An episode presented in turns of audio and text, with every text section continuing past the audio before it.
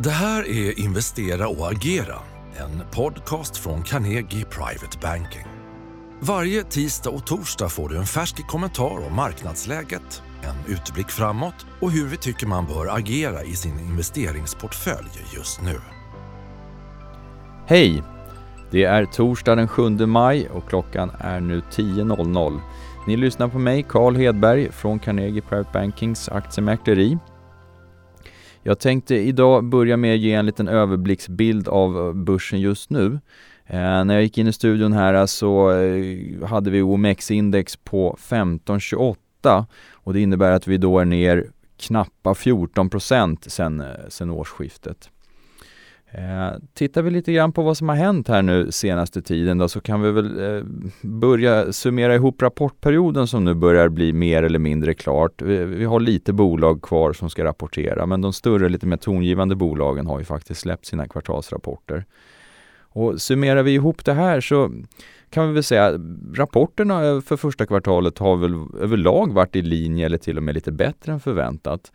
Men det är väl så att det är till stor del beroende på att januari och februari var väldigt starka månader innan vi kom in i den här äh, coronapandemin.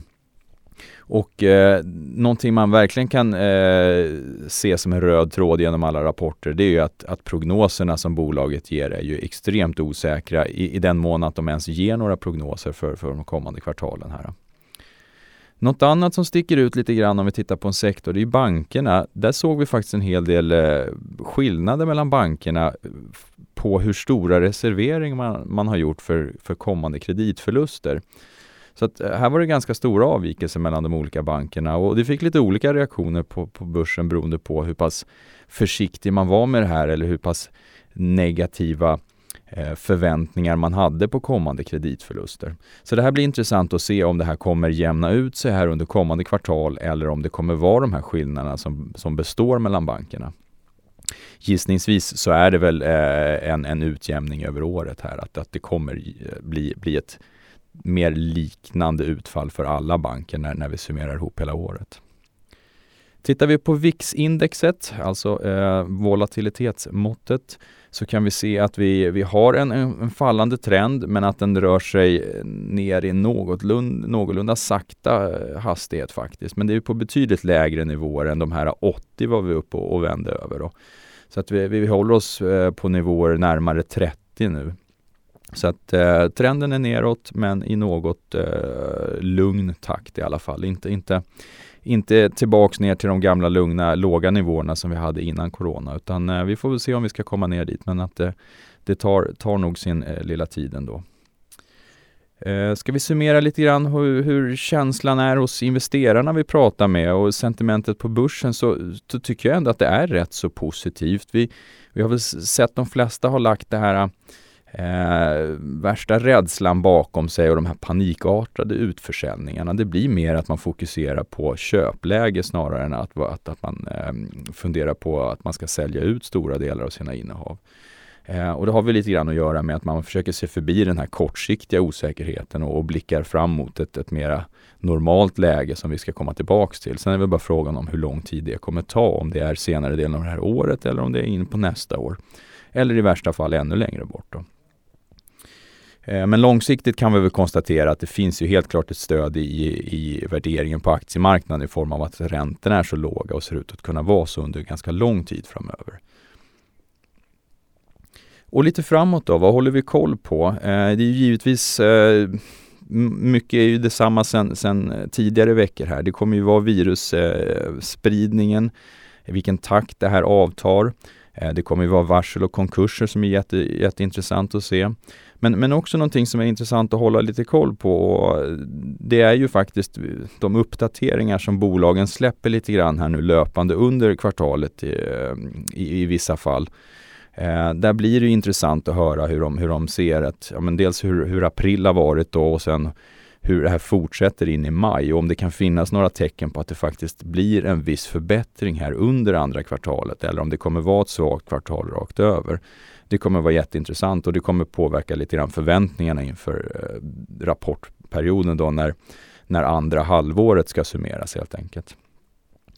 Sen är det klart att det finns ju en del osäkerhetsfaktorer kvar och någonting som blir intressant att följa det är ju de här eh, samtalen mellan USA och Kina. Det blir ju hårdare och hårdare tongångar där. Alltså att finns väl en, en risk att de här handelshindren skulle kunna komma upp på agendan på nytt och att det skulle kunna eskalera till ett, ett nytt handelskrig. Då. det skulle givetvis vara någonting som skulle hamna på minussidan för, för börsen.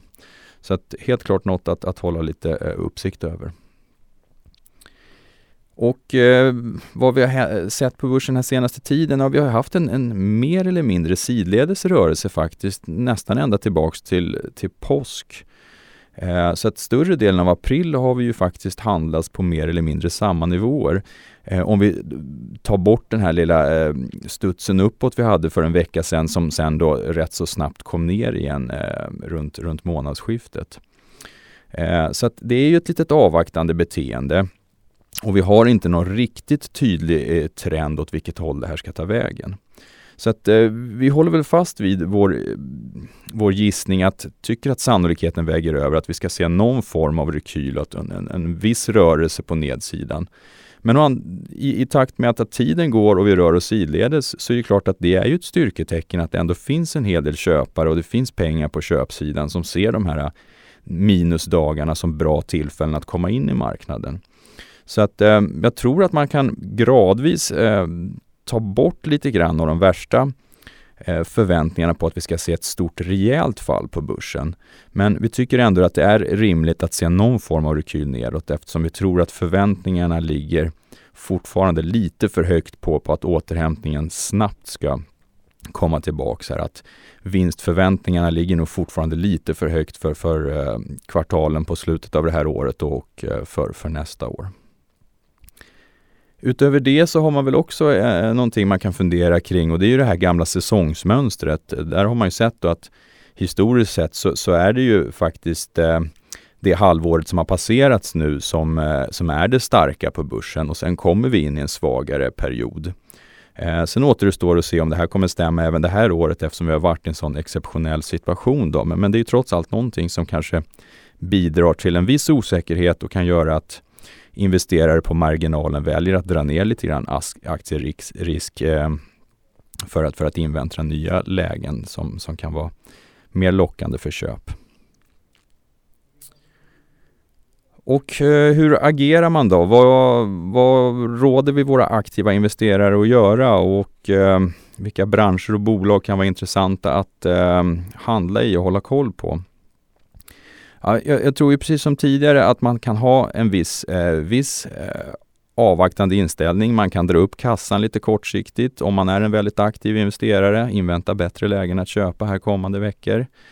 Vill man istället vara lite mera eh, långsiktig så tycker jag att man kan titta på att ta ner lite grann av de mest konjunkturkänsliga investeringarna man har och vikta över mer mot lite mer defensiva bolag. Eh, tittar man branschmässigt då så kan vi säga, ja hälsovårdsbranschen är ju helt klart intressant i det här perspektivet.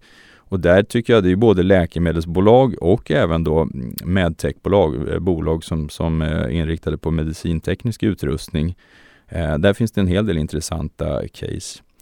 Eh, sen ser vi också att, att sektorer som gaming och e-handel har ju, har ju varit eh, vinnare under den här stökiga perioden. Så att det kommer säkert fortfarande finnas eh, bra uppsida i, i de eh, branscherna. Men, men generellt sett så är det väl så att det är lite mera bolagsspecifikt man får titta. Det är svårt att säga att hela branscher kommer vara, vara de stora vinnarna utan man får ta det lite grann eh, aktie för aktie. Men generellt sett så kan man säga att vi gillar ju bolag som har en möjlighet att påverka sin egen situation. Till exempel bolag som är aktiva på förvärvssidan. Bolag som har starka balansräkningar kan ju utnyttja den här lite eh, osäkra omvärlden och att eh, förvärva bolag då som sannolikt har en lägre prislapp nu än vad de hade tidigare. Och på det sättet så kan man ju växa sina intäkter och, och sitt resultat och mer än bara den underliggande marknaden. Eh, mer som, som kan vara intressant eh, är ju faktiskt också lite investeringsmöjligheter i onoterade bolag. Där har ju Carnegie en hel, so en hel del sådana eh, transaktioner från tid till annan. Vi har ett par sådana som är på gång här nu. Eh, det tycker jag man kan prata med sin rådgivare på Carnegie om, höra lite grann om det här kan vara någonting som passar en. Tittar vi lite mer specifikt då på, på börsen och aktier som kan vara intressanta så tänkte jag lyfta, lyfta fram en aktie där som tycker passar in på det här med ett, eh, ett bolag som, som kan ha intäkter som står emot eh, negativ påverkan från eh, den här coronavirusspridningen. Och där ser vi till exempel bolag inom telekomindustrin faktiskt är väldigt motståndskraftiga. Eh, Ericsson är en aktie som vi gillar där. Och det vi har sett här, om vi tittar lite historiskt på Ericsson, så är det ett bolag faktiskt som har haft ganska svårt att öka sina intäkter här om vi nu ser till egentligen hela senaste tioårsperioden som har varit. Det har varit i stort sett samma nivåer. Men vi tror att man börjar se en, en, en period där det faktiskt kommer bli ökade intäkter. Och eh, några saker som talar för det här, ja men det är dels, dels den här coronasituationen. Eh, bolaget säger ju själva att deras kunder, då, eh, telekombolagen, de har inte förändrat sitt beteende eller sin efterfrågan negativt på grund av det här, utan snarare är det tvärtom, att man börjar se att man börjar se över utbyggnad av, av nät eh, för att klara den ökade efterfrågan på kapacitet som finns. Då man har ju sett att när folk har mer tid hemma eller jobbar hemifrån så, så belastas näten hårdare. Så att det här tror vi kommer gynna framtida investeringar, helt klart.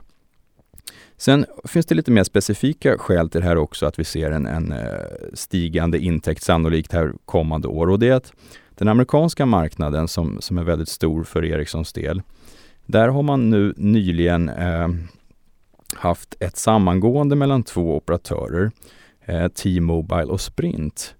Eh, och den här affären, för att den skulle godkännas då av konkurrensmyndigheter så var det eh, förenat med ett par villkor. Det ena var att man skulle bygga ut ett eh, nationellt 5G-nät, vilket kommer kräva ganska stora investeringar. Här ser vi att Ericsson då, som har ungefär 50% marknadsandel där borta, kommer vara helt klart en, en stor vinnare på det. Eh, ett annat villkor i affären det var att eh, man släpper in en ny operatör som ska få då utrymme i det här eh, 5G-nätet och eh, en del faktiskt av, av de här bolagens eh, kund, kundbas. Då. Eh, det här bolaget kommer sannolikt vilja investera också eh, själva i ett eget 5G-nät. Så det här är ytterligare en, en ny aktör in som kommer vara på köpsidan. Då. Så att, eh, det är väl några skäl till att vi tror att det här faktiskt är ett bolag som står inför en, en intäktsökning under kommande, kommande år. Och det skadar inte heller att det är ett bolag som faktiskt gynnas av den starka dollarn. Det här aktiecaset eh, är en sammanfattning av Carnegies analys som publicerades för Carnegies kunder den 23 april. Mer info om aktien finns länkat i beskrivningen till den här podden. Historik och underlag kan du få ut genom att mejla mar information carnegie.se. Imorgon fredag kommer ett specialavsnitt av eh, den här podden Investera och agera där vår börsredaktör bjuder in specialister och gäster för ett mer djupgående samtal. Imorgon så gästar eh, Johan Alsterlind för ett samtal kring företagsobligationsmarknaden och vilka strategier eh, som finns där och hur man bygger upp en portfölj på ett bra sätt. Tack för att du har lyssnat! Är du intresserad av topprankad aktieanalys och unika investeringsmöjligheter? Gå in på carnegie.se privatebanking och lär dig mer om vad du får som private banking-kund hos oss.